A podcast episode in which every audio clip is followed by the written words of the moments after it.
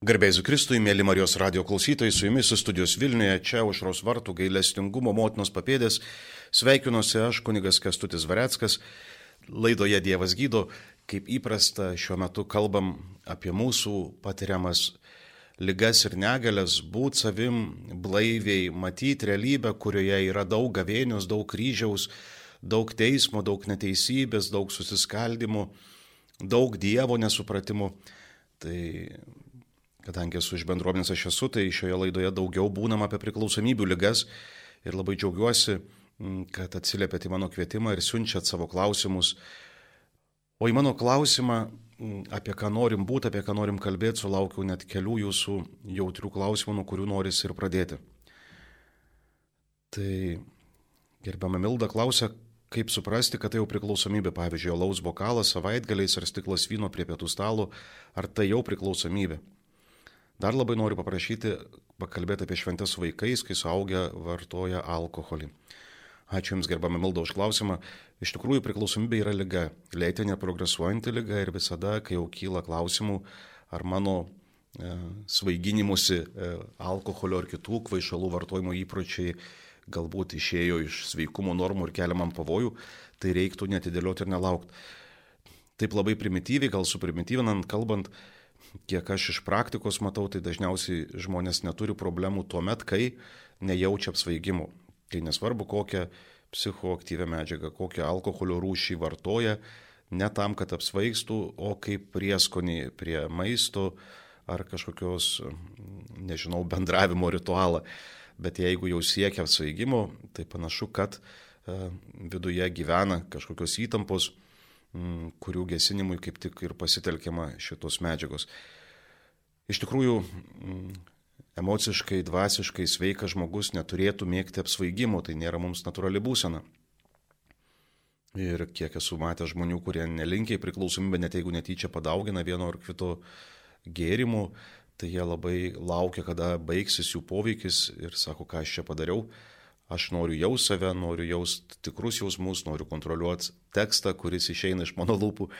Tai, o jeigu jau žmogus mm, siekia apsvaigimo ir apsvaigimo būseną laiko tą geidžiamąją, kad tai yra tai, ko man trūko, kad galėčiau priimti save, kad galėčiau iškest e, patiriamus dalykus, tuomet jau turbūt, kad galim kalbėti apie mm, kažkokias trauminės patirtis, prie kurių lengvai prilimpa priklausomybės kad priklausomybė atsirastų, kaip žinot, neužtenka vien genetikos, to polinkio jai susiformuot, bet e, ir socialinių visokių veiksnių ir aplinkybių.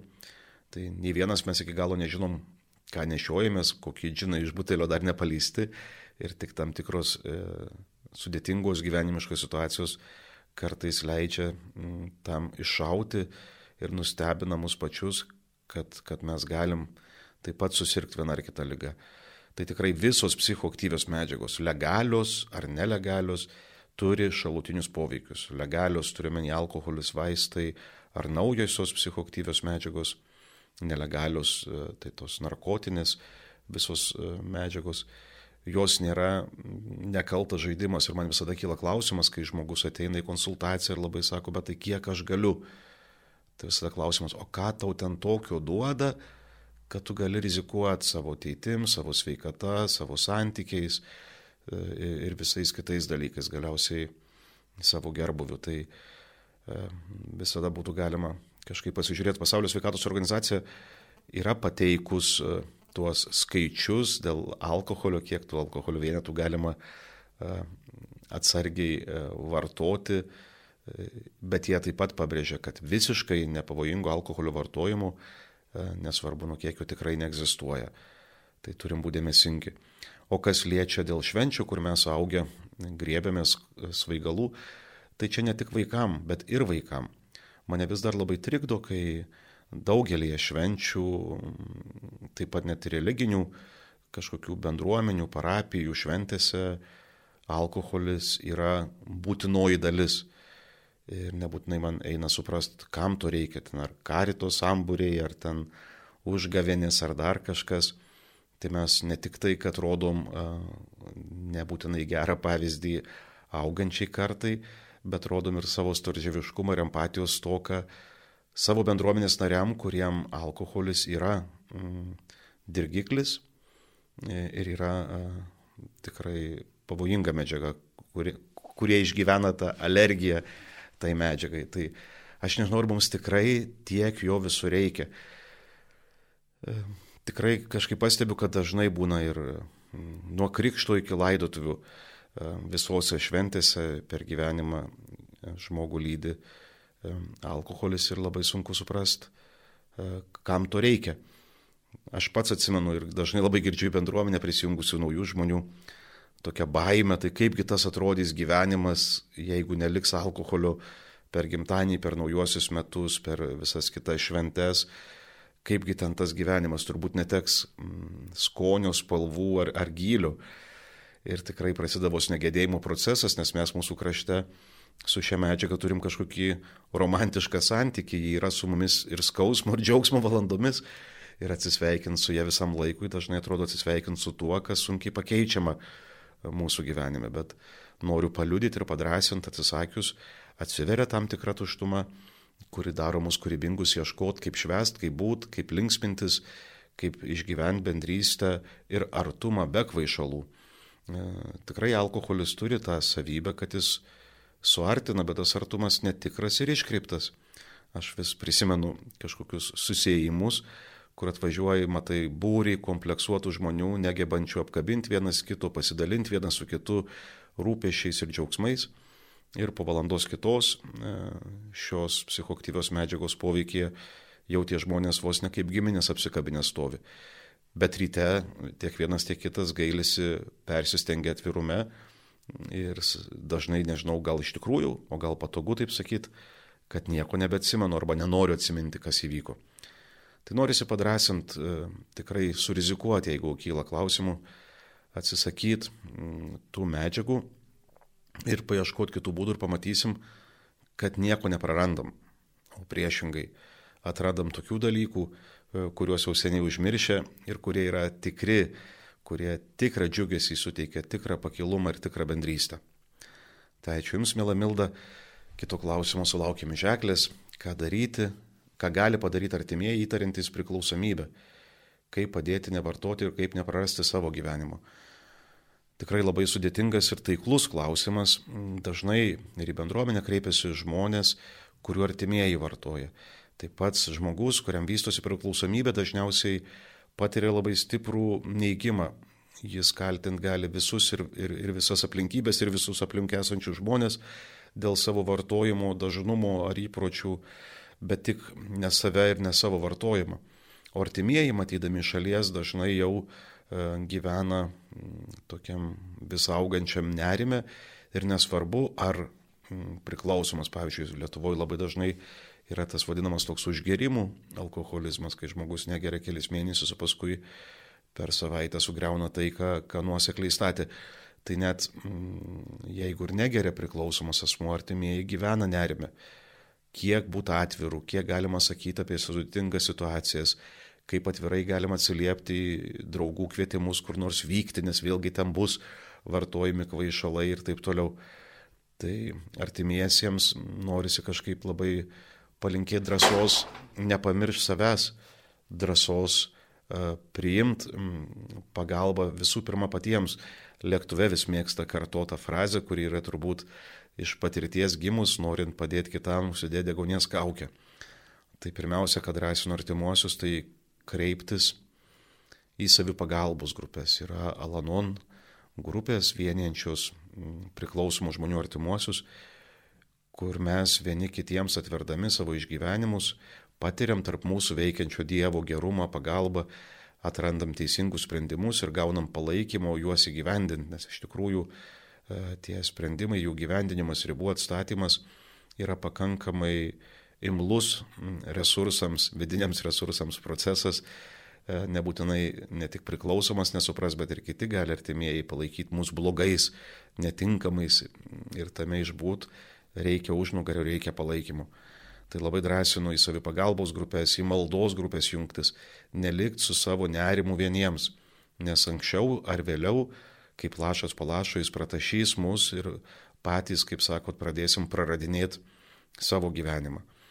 Tai mūsų gydytoja mm, konsultuojanti sveikstančius mėgsta kartot, sako, jeigu iš didelės meilės šalia vieno bepročiaujančių namuose atsiras dar vienas, tai bus du bepročiai. Tai nuo to niekam geriau nebus. Artimojo mm, adekvatus ir sveikas elgesys nesudarys patogių sąlygų degradacijai ir priklausomo žmogaus įsisirgymui. O artimojo pagalba, kabutėse, kartais tampa pagalba sirgti.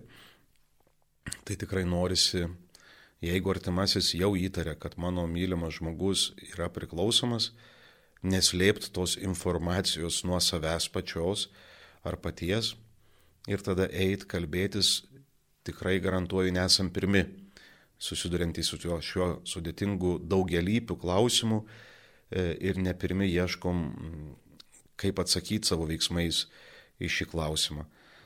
Tai drąsinu eiti į savį pagalbą, eiti pas specialistus, eiti į maldos grupės ir ieškot. Gaila, žinot, kad nėra vieno tinkamo sprendimo viso, visiems atvejams, dažnai tokio norėtumėm, bet yra tie baziniai principai, tai pagarba kitam žmogui, sažiningumas ir lygos pažinimas, kad net sergantis žmogus vis tiek nepraranda žmogiškojo rūmų ir mes neturėtumėm galbūt patys apsirikti, kartais matau artimųjų didžiulę meilę ir jis kalbasi su priklausomybė aktyviai sergančiu žmogum, lik jis būtų sveikas. Ir nusivilia vis iš naujo, kad nieks nesuveikia, nieks nepavyko, nepaisant nuoširdžių pažadų ir pastangų. Tai norisi kažkaip padrasinti patiems, adekvačiai vertinti situaciją ir žinot, ko galiu tikėtis ir koks kelias laukia. Neturėkime iliuzijų apie greitas išeitis.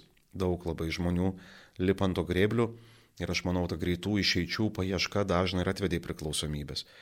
Pavyzdžiui, tie mūsų giluminiai poreikiai, bendrystės poreikis, nes negera žmogui būti vienam, e, nežinau, poilisio, atsipalaidavimo poreikis, jie visi yra teisėti ir šventi, bet e, jie reikalauja tikrai išeiti iš savęs ir kartais perlipti savo baimės, mm, dirbti su savo kompleksais.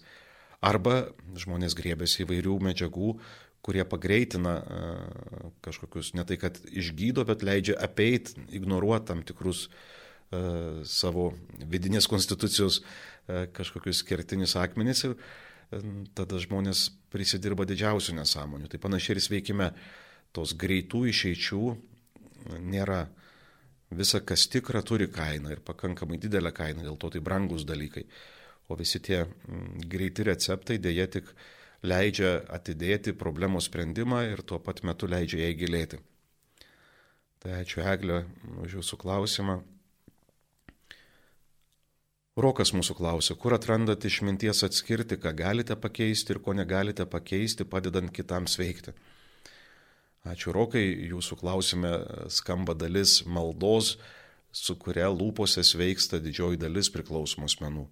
Ta malda, ramybės malda mes ją vadinam, skamba taip Dieve, suteik man ramybės susitaikyti su tuo, ko negaliu pakeisti, drąsos keisti, ką galiu pakeisti ir išminties tą skirtumą suprasti. Tai šią maldą mes kalbam kas kart, kai jaučiam, kad viduje kaupėsi debesys, trišti debesys, sunkus išgyvenimai, kai nelabai žinom, ką šioje situacijoje turėtumėm daryti arba ko nedaryti. Tai kartais mm, va, tas atskirimas, su kuo aš čia turiu susitaikyti ir nedaužyti galvos į sieną, e, nuolankiai susitaikyti, o ką galiu ir turiu daryti, nepaisant e, visų kitų veiksnių, tikrai yra kelias. Tai klausėt, iš kur semtis galima e, tos išminties. Tai šaltinis yra vienas, į kurį ir kreipiame šios maldos metu. Tai Dievas. E, nes jeigu mes galvom, kad mes žinom o mums tik reikia įtikinti Dievą ir kitus žmonės, tai prapuolė ir mes, ir mūsų mylintys tikrai pasmerkti skausmui. Nei vienas nežinom iš principo, kas mums į sveikatą ilgalaikiai dangaus perspektyvai. Dažnas esam linkę rinktis tokius greitus būdus, esam linkę rinktis kaip vartotojai 21 amžiaus malonius dalykus, bet jie tikrai nebūtinai visada geri, ar į sveikatą. Tai mes labai aiškiai matom ir gavėnios metu apmastydami e, visokius e, Kristaus gyvenimo aspektus, tai kartais net kažkokie parpuolimai, kurių niekada nesirinktumėm, visai gydančiai ir prablaivinančiai gali suveikti ir pastatyti mūsų ant žemės, kurią viešpats mums dovanojo. Ką e, sakyti apie paskutinę klausimo dalį, tai kai mes žvelgiame į kitą žmogų, į kito žmogaus dramas, į kito žmogaus lyguistumus, kaip ten atsipažinti, ką galim pakeisti, o ko ne, tai turbūt didžiausias iššūkis kito kančios akivaizdoj prisimti atsakomybę už jo gyvenimą ir tapti jo gelbėtoju. Tai kaip tik vakar berots Evangelijoje girdėjom viešpaties Jėzaus prašymą nebūti vienas kitam nei mokytojų, nei tėvų, nei gelbėtojų, nes turim vienintelį tėvą danguje ir Jėzų Kristų mūsų mokytoją ir gelbėtoją. Tai kito akivaizdu išlikti žmogumi, išlikti sutrikusiu žmogumi.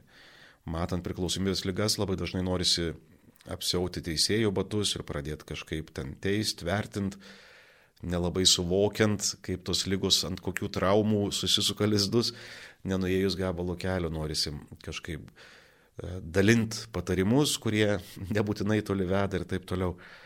Tai turbūt pirmasis iššūkis kito lygos akivaizdoje tiesiog būti tuo, kuris mato, būti tuo, kuris žvilgsniu ar, ar žodžiu ar veiksmu liudija, kad esi pastebėtas, e, kad esi kviečiamas, esi laukiamas. Tik žinot, kad su pagalba, panašiai turbūt kaip ir Dievas mūsų adresu, negali ateiti su jėga ir prievarta. Viešpats sako, stoju prie durų ir beldžiu, kantriai beldžiu ir sutinku būti visai ten ir nuteistas, ir apspjaudytas, ir karūnuotas, ir atstumtas, sutinku mokėtą meilės kainą. Tai man, man labai svarbus iššūkis gerbti ir savo ribas, ir nesusidėvint, nesusireikšmint, ir nepažeist kito žmogaus orumo, net ir gero norint. Geri tikslai nepateisina nuodėmingų priemonių. Tai ačiū Jums, Rokai, ir tikrai meliskime šią maldą, kad viešpats padėtų kiekvienoje situacijoje mums matyti, kokia kita valia, kuri neša gėrį ir mums, ir tam, prie kurio gyvenimo norim prisiliesti. Jolanta toliau mūsų klausė, žinau atveju, kad artimieji neįstumia už borto artimojo ir taip jis neįstumamas ir iš širdies, ir jis tai žino. O atstumė šeimos narį, tik gali vaidinti, kad tavo kryžius dingo. Tai aišku, jeigu meilė yra tikra, tu neįstumsi iš širdies, tai juo labiau. Bet čia, žinot, labiau yra toksai turbūt požiūrio klausimas. Ar aš tave myliu ir dėl to prisidėsiu prie tavęs naikinimo? Ar aš tave myliu ir dėl to sutinku būti tavo nemėgstamas? Nes nepalaikau uh, tavęs klaidose, nes nepritariu uh, tavo lygai, nes kovosiu už tavo sveikimą tai už borto įstumt nežinau, ar darėtų, kartais netekę kantrybės ir prisikankinę artimieji ir tikrai negalim jų smerkti, aš kartais girdžiu iš jų, kokius jie skausmus patiria, kokie, ne tik fizinius, kokius praradimus patiria ir kaip su jais elgesi priklausomi asmenys, tai žmogiškai gali suprasti, kodėl iš jų lūpų įsprūsta ir prakeiksmai, ir atmetimas, ir kas tik nori, ir paskui patys graužiasi nuo to, kas, kas įsprūdo, ką pasakė, patys kaltina save kaip niekam tikusius artimuosius, ten tėvus, seseris ar brolius ar, ar mamas. Tai ne, jie, jie ilgai ir taip jau būna prisikankinę. Tai už borto aš nieko nesiūlau mm, siūsti, bet vis prisimenu gailestingo tėvo palyginimą iš Evangelijos pagalų, kad turbūt visi atsimenam, kuris leidžia eiti už borto, leidžia išeiti iš tėvo namų. Nepaisant to, kad skauda, bet gerbė va tą žmogaus laisvę tiek klyst, tiek apsigręžti, atsigręžti, atsiversti ir grįžti. Ir labai godžia, kad tėvas pamato iš tolo, kad bėga, pasitinka, džiaugiasi. Tai, man atrodo, e, būtų krikščioniškai žiūrint teisingiausia e, pozicija kito žmogaus e, kančios akivaizdoj būtų tuo, kuris myli. O mylintis tai duoda ne tai, ko prašo, o tai, ko reikia. Ir negali palaikyti susinaikinimo visokių planų. Tai ačiū Jums už klausimą, Jolanta, ir tikrai mes visi turim savo kryžių, kaip sakot, bet ne kitą žmogų kaip kryžių. Norisi irgi primint. E, tai norisi kažkaip linkėti mums tos, tos kryžiaus meilės, kurią Dievas mus pamilo ir kurią mus išgelbėjo. Vienas gydytojas, kurį labai gerbiu, kai diskutavom su juo ten ir jis kažkaip vieną kartą leptelio, sako, jeigu jūsų sveikimo kaina yra ta, kad turit manęs nemėgti, aš sutinku ją mokėti. Sako, šiaip žmogiškai, kaip senam žmogui, man smagiau, kad jūs mane mylėtumėt, gerai apie mane galvotumėt ir kalbėtumėt, bet tai nebūtinai jums gali padėti. Tai kad kartais galiu imtis ne tai, kad, aš visada ir bendruomenė sakau, ne tai, kad mes išmetam, bet tu pats išeini. Mes kviečiam tave eiti į kitą pusę sveikimo keliu ir suteikiam visas sąlygas ir suteiksim, jeigu tik norėsi, ir kartu ieškosim didžiausius lėnius įveiksim, bet jeigu tu eini į kitą pusę, aš negaliu tave tame palaikyti, nei sulaikyti, nei palaikyti. Aš galiu tave skausmingai kviest, kad perspėt, kad į tą pusę einant laukia tik dar didesni praradimai. Ir Greta mūsų klausia, ar gali būti, kad priklausomas žmogus jau antrus metus nevartoja, bet esminiai būdo bruožai, dėl kurių sunku buvo su juo nuoširdžiai bendrauti, vis dar liko, ar galima visiškai pasveikti nuo ko priklausomybės. Ačiū Jums, Mela Greta, už klausimą. Iš tikrųjų, mm, labai vienas iš labiausiai paplitusių mitų turbūt yra, kad konkrečios medžiagos yra bėda ir jeigu tos medžiagos iš žmogaus gyvenimo dinksta, nesvarbu, ar tai būtų alkoholis ar kitos medžiagos, ar elgesio priklausomybės atveju, ten lošimai pavyzdžiui, tai viskas su žmogum tvarkoju. Tai toli gražu taip nėra. Čia yra melas savo, patogus melas savo, dažniausiai melo griebėmės, kai siekiam patogumo, kai patogumas mūsų Dievas. Tai taip, mes turim būdo trūkumų, būdo bruožų, mes turim savybių, mes turim požiūrių, e, kurie yra lyguisti. Mm, ir jie kelia ten daug e, egocentriškumo, daug infantilumo, daug e, susi, sureikšminimų ir susireikšminimų. Ten tikrai daug keistinų dalykų. Ir vis, visos priklausomybės e, medžiagos yra tik labiau kaip ryškalai atskleidžiantys tą negatyvą. Tai nevartojimas yra tik sveikimo sąlyga, toks žemas startas, o ne finišo jau linija. Nevartojimas yra tik sąlyga. Tai tikrai gali būti, kaip jūs sakot, kad žmogus, kad ir nevartoja, hmm, E, yra sunkiai pakeliamas. Aš esu pats susidūręs kelis atvejus su, e, su šeimose patiriama priklausomybė nuo alkoholio, kur, kur šeimos nariai sako, geriau tu jau gertum, ta prasme, kad su tavim tokiu lengviau buvo. Dabar tu tampi iš vis nebepakenčiamas ir zlus ir toks dievukas, diktatorius e, ir, ir taip toliau. Mm, tai čia norėtųsi kažkaip padrasinti tiek tą patį asmenį, neapgaudinėti savęs, kad nevartojam ir kurį laiką nevartojam yra vau, yra labai gerai, e, bet neapgaudinėti savęs. Tai nes finišas, tai tik startas, o tada eit, mm, e, eit arba gal, pagal 12 žingsnių programą, arba e, specialistų padedamiems, eiti į savęs pažinimą ir į pokytį, kuris leis ne tik negerti, bet ir būti blaiviu. Mes kartais juokaujam, mm, kad žmogus gali ateiti negėręs, bet elgesi kaip, kaip prisigėręs, kaip, kaip nedekvatus, kaip blaivas. Tai ta blaivybė nėra tik negerimas. Ir antra jūsų klausimo dalis, kuri iš tikrųjų, iš tikrųjų skausminga, tai ar galima visiškai pasveikti nuo ko priklausomybės, tai čia toks, žinot, ką laikysim pasveikimu. Mm, čia prie pačios priklausomybės yra tas klausimas, ar galima pasveikti nuo priklausomybės. Ir ten yra konferencijų, kur galim girdėti net ir mokslininkų sakant, kad taip, bet kiek aš girdžiu, tai dažniau dėl, dėl teisinių pasiekmių, nes mūsų krašte, pavyzdžiui, jeigu žmogus vartoja, viskas su juo tvarkoja, jeigu jis gydosi, jis turi daug neigiamų pasiekmių teisinė prasme, kas nėra visai mm, adekvatu. Tai aš asmeniškai esu priklausomas, esu sveikstantis priklausomas, 16 sveikimo metų jau yra, 17 ką tik prasidėjo.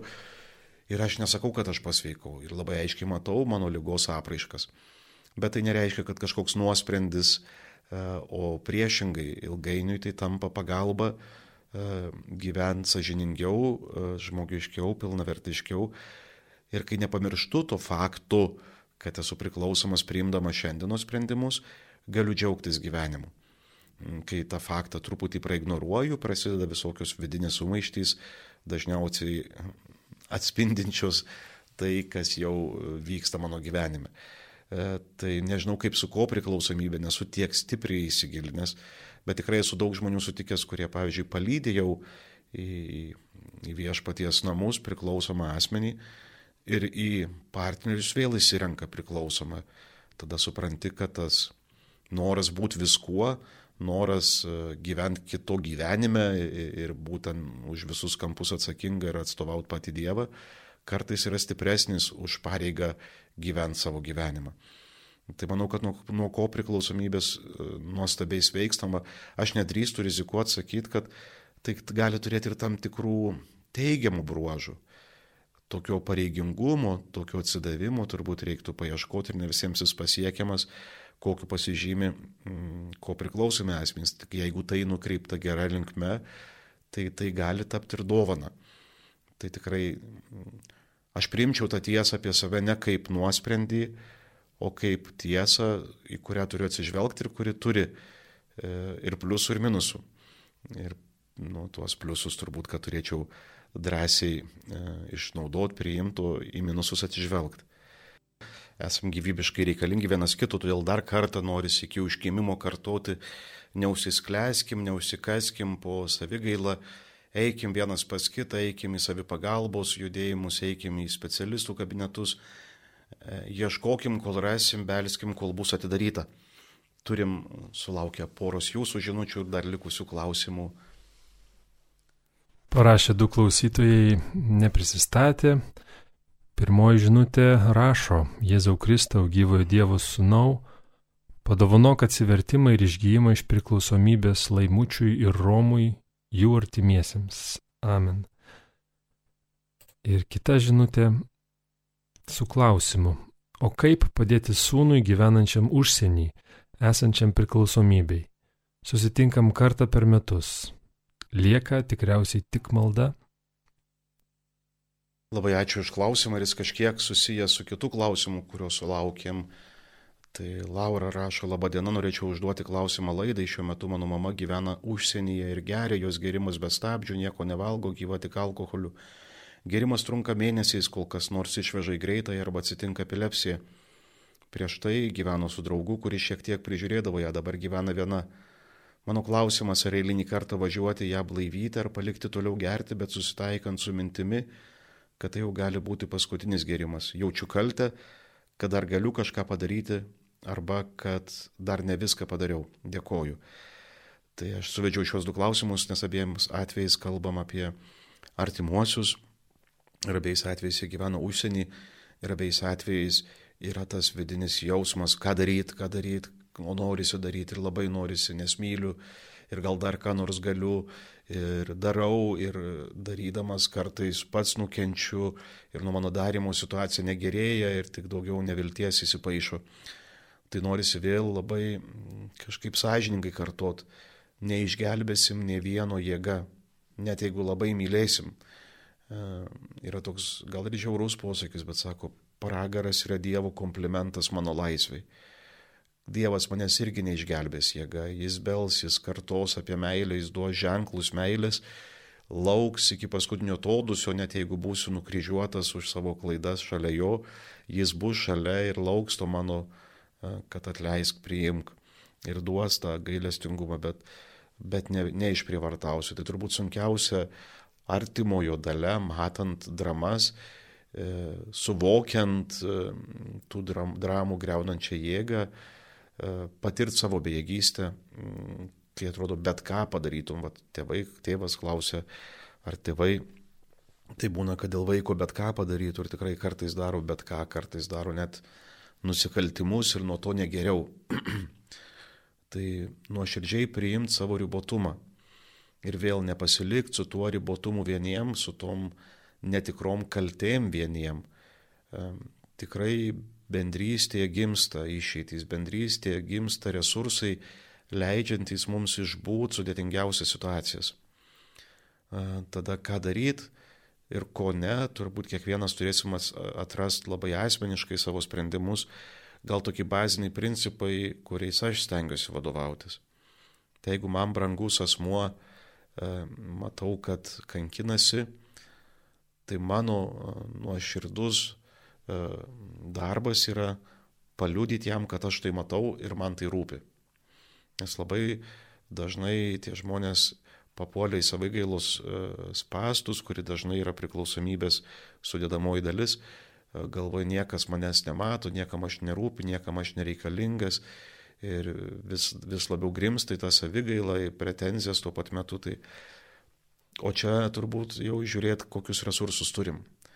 Yra tie visokie nuotoliniai pokalbiai, žinutės, laiškai ir vėl nežinau, ar aš pulčiau mm, smerkti tuos, kurie lėkia blaivyt, ką žinau, kaip elgčiausi, jeigu tai būtų mano mama ar kitas labai artimas asmo, nors žinau bazę, kad tai nėra iki galo tikras sprendimas. Ta prasme, vien alkoholio nutraukimas, bet vėl žinau, kad tame nutraukimo epizode atsiveria kartais galimybė pokalbiui, kad galim žengti kitus žingsnius. Tai nežinau teisingų atsakymų. Žinau tik tai, kad tas skausmas yra labai tikras. Tiek to, kuris vaiginasi, tiek nematydamas išeities, tiek to, kuris e, išgyvena savo bejėgystę ir, ir norą ką nors tuo pat metu daryti. Tai vis tiek tiek tos mamos ar sunaus atveju e, drąsinu kažkaip pirmą užsidėdė gaunies kaukę savo, e, vaikščiot į grupės, jeigu esate iš Vilnius, bendruomenėje aš esu, kiekvieną pirmąjį 6 val. vyksta artimųjų grupė su psichologe, vaikščioti grupės, įsivardinti savo, atsipažinti, vad kaip ten maldoj sakė, ką galiu pakeisti, su, kuriuo, su kuo turiu susitaikyti, net jeigu skausminga. Ir gauti mm, reikiamos aplinkos, saugumo, padaryti teisingus sprendimus, savo teisingus sprendimus, kur viduj viskas tampa aišku ir tada taip elgtis gauti resursų. Tai dar kartą tikrai labai mm, nuoširdžiai linkiu vilties ir drąsos. Eit, mm, burtis draugien, poteriaut, kalbėtis, išsikalbėti ir tikrai kaip tie debesys po lietaus kartais nulyja ir tampa kažkaip aiškiau. Tai tik tai ne, neusiskleiskim, nepasislėpkim vieni nuo kitų Sulaukėm dar vieno klausimo, kuris e, irgi skausmingai labai skamba, šį greit paskaitysiu, garbėsiu Kristui. E, anoniminis klausimas, dėl to neskleidžiam vardo. Mm. Būtų aktualu išgirsti, kaip elgtis su girtu visiškai subomžėjusiu žmogumi, kuris jau kokius ketverius metus vis ateina į biurą darbę prašyti pinigų, maisto pasirodo pačiu netinkamiausiu metu, pavyzdžiui, kai ruošiamės svarbiam verslo sustikimui. Begalę kartų buvo su juo kalbėta, kai tai dar buvo įmanoma, jis praradęs viską, miega daržinė ir landynėse, kai ateina dvokė visas biuras, prašydavo pagalbos maisto, paduodi nusipirkimui pinigėlį prageria, o pradėti jį čia maitinti nebus galo, dar ir savo draugelius atsives. Mėginau, mėginau organizuoti jam patekimą Minnesotos programą Klaipėdui, bet nepavyko, nes jis paprasčiausiai pradingo tris mėnesius kažkur gėri.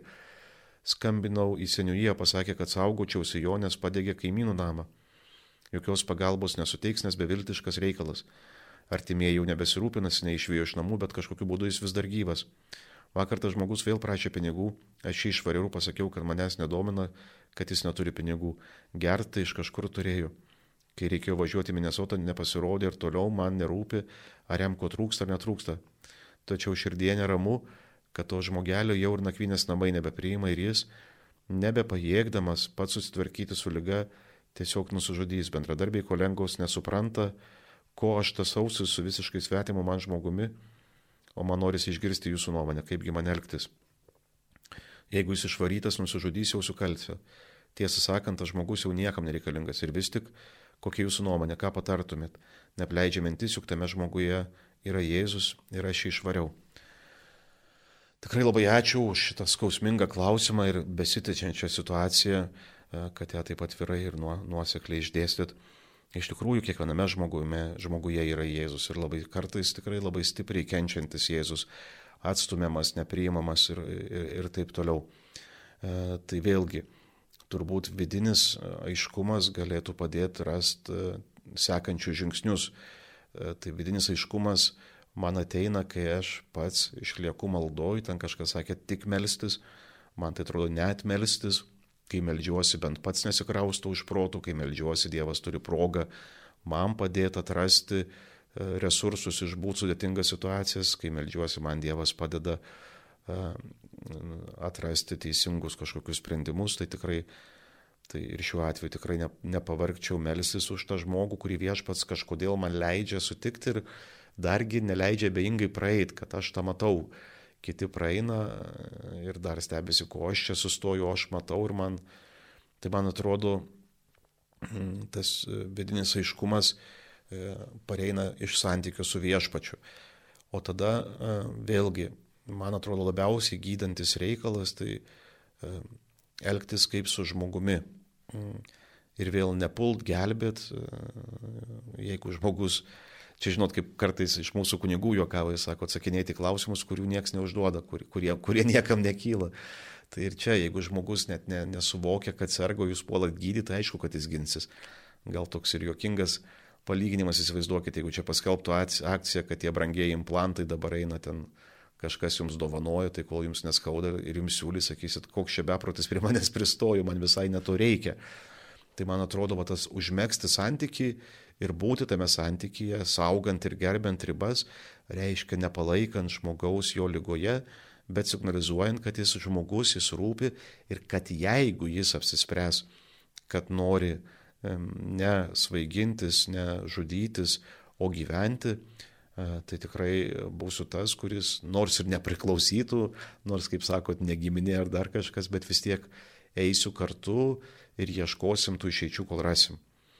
Tai tikrai bent aš asmeniškai meločiau sakydamas, jeigu aš neduodu pinigų prašantiems. Jeigu galiu neduoti, neduodu, nes irgi suprantu, kad galiu prisidėti prie jų lygos. Bet kita vertus, tai jau ne visai mano reikalas. Jeigu aš stengiuosi įsiklausyti į savo vidų, jeigu einu ir jaučiu, kad noriu duoti ir galiu duoti ir duodu. O jeigu jis pragers, tai jau čia ne mano atsakomybių laukas. Bet šiaip, jeigu turiu kažką daugiau nei pinigai, tai laiko vidinių resursų sustot, pasikalbėti, išklausyti tų įsisukinėjimų, litanijas ir vis tiek nusišypsot, ar atsinešt kartais arbatos su, su bandelė ir suvalgyti su juo ant laiptų, tai tada duodu tą, bet tas man yra daug brangiau. Kartais pinigais tiesiog lengviau išsisukti. Žinoma, kad gali būti ir piknaudžiavimo atveju, kad jeigu jūs duosit ir duosit tai, ko jam reikia e, sirgymui, tai tapsit lygos donorė ir aišku atsiras daugiau tokių žmonių, kurie ateis norėdami sirgti ir sakys, padėk man sirgti. Tai vis tiek turbūt tas bazinis e, toks e, atsakymas, tai kasdienė malda už tą žmogų, e, žmogiškas santykis reiškia, ne aš jo gydytojas, ne aš jo teisėjas, ne aš jo vertintojas, o tiesiog žmogus, kuris mato, sutinka ir kuris sako, kad jeigu nori sveikti, kai norėsi sveikti, tu žinai, kur mane rasti. Mm, tai turbūt, jeigu taip pavyktų, tokį santykį laikyti, kažkaip tikiu, kad ateitų ta diena ir pačiam yra buvę tų dienų, kai net vidinio tikėjimo nebuvo, bet sulaukiau iš tų žmonių žinių, kad nutvarkoju. Sirgti jau nebenoriu, nebeišeina, o sveikti nežinau kaip, sakykit, ar, ar galioja jūsų pasiūlymas ir tada jau tenka imtis kažkokių kitų sprendinių ir tada jau ta Minnesota galėtų būti vienas iš sprendimų, bet Jeigu pastatom vežimą prieš arklį, toli nenuvažiuosim. Turim dar vieną žinutę. Virginija atsiuntė žinutę, kurioje rašo, kai nebepakėliau vyro alkoholizmo, suklupau, klykiau ir prašau, prašiau Dievo, kad darytų ką nors, nes jau yra nepakeliama. Tu Dieve matai, gelbėk. Ir paskui prašiau išminties, kaip elgtis. Vyras nebegeria jau penki metai, viešpats davė išminties ir stiprybės. Vyrui niekad nepriekaištauju dėl praeities, meldžiuosi, dėkoju savęs, nesureikšminu, jei vyras būna suirzęs. Viską Dievui aukoju ir paprašau, kad Jėzus atsiųstų savo ramybę jam ir mūsų šeimai. Ačiū labai už liūdėjimą, tai yra dar vienas iš tų įrodymų, kad ne tik malda, o net malda. Tik tai aš e, gal nedaryčiau tokios griežtos takoskiros, kur, kurios turbūt nėra, bet aš kaip senas paranoikas vis bijau, kad jinai kur nors gali būti tarp eilučių. E, tai viskas tvarkoja ir labai šaunu ir tikrai be maldos ir be dievų e, neįsikapstysim iš savo pelkių. Bet antras sparnas e, tai yra žmonės. Jėzus sako, nelabai gali mylėti Dievą, kurio neregi, nepriimdama žmonių, kuriuos matai. E, tai bent man tie du pagalbos šaltiniai ir jie taip persipinę, e, kad net man kartai sunku atsakyti, e, kur yra kas. Nes ir Jėzus ateina kaip žmogus. Tai du pagalbos šaltiniai - Dievas ir žmonės. Arba gal net, sakyčiau, vienas pagalbos šaltinis - Dievas per žmonės. Tai dar kartą drąsinu ir raginu eiti į bendrystę, eiti į savipagalbos grupės, nusimt karūnas, nebijot, kas ką pasakyti, nesusireikšmint, kad čia mano unikali situacija, esame unikalūs, bet sergam labai panašiai ir turim tų bendrų vardiklių. Ir būt, būt kartu tol, kol ateis e, vidinis aiškumas, kol Dievas galės mums per tuos susirinkimus pasitarnauti. Jėzus sako, kur du ar trys susirenka, mano vardu aš pats esu jų tarpe. Tad ačiū už šiandienos susitikimą ir tikrai e, vieningai melskimės draugė su visais pasaulio sveikstančiais šiais ramybės maldą. Dieve, suteik man ramybės, susitaikyti su tuo, ko negaliu pakeisti, drąsos keisti, ką galiu pakeisti ir išminties tą skirtumą suprasti. Iki kitų sustikimų.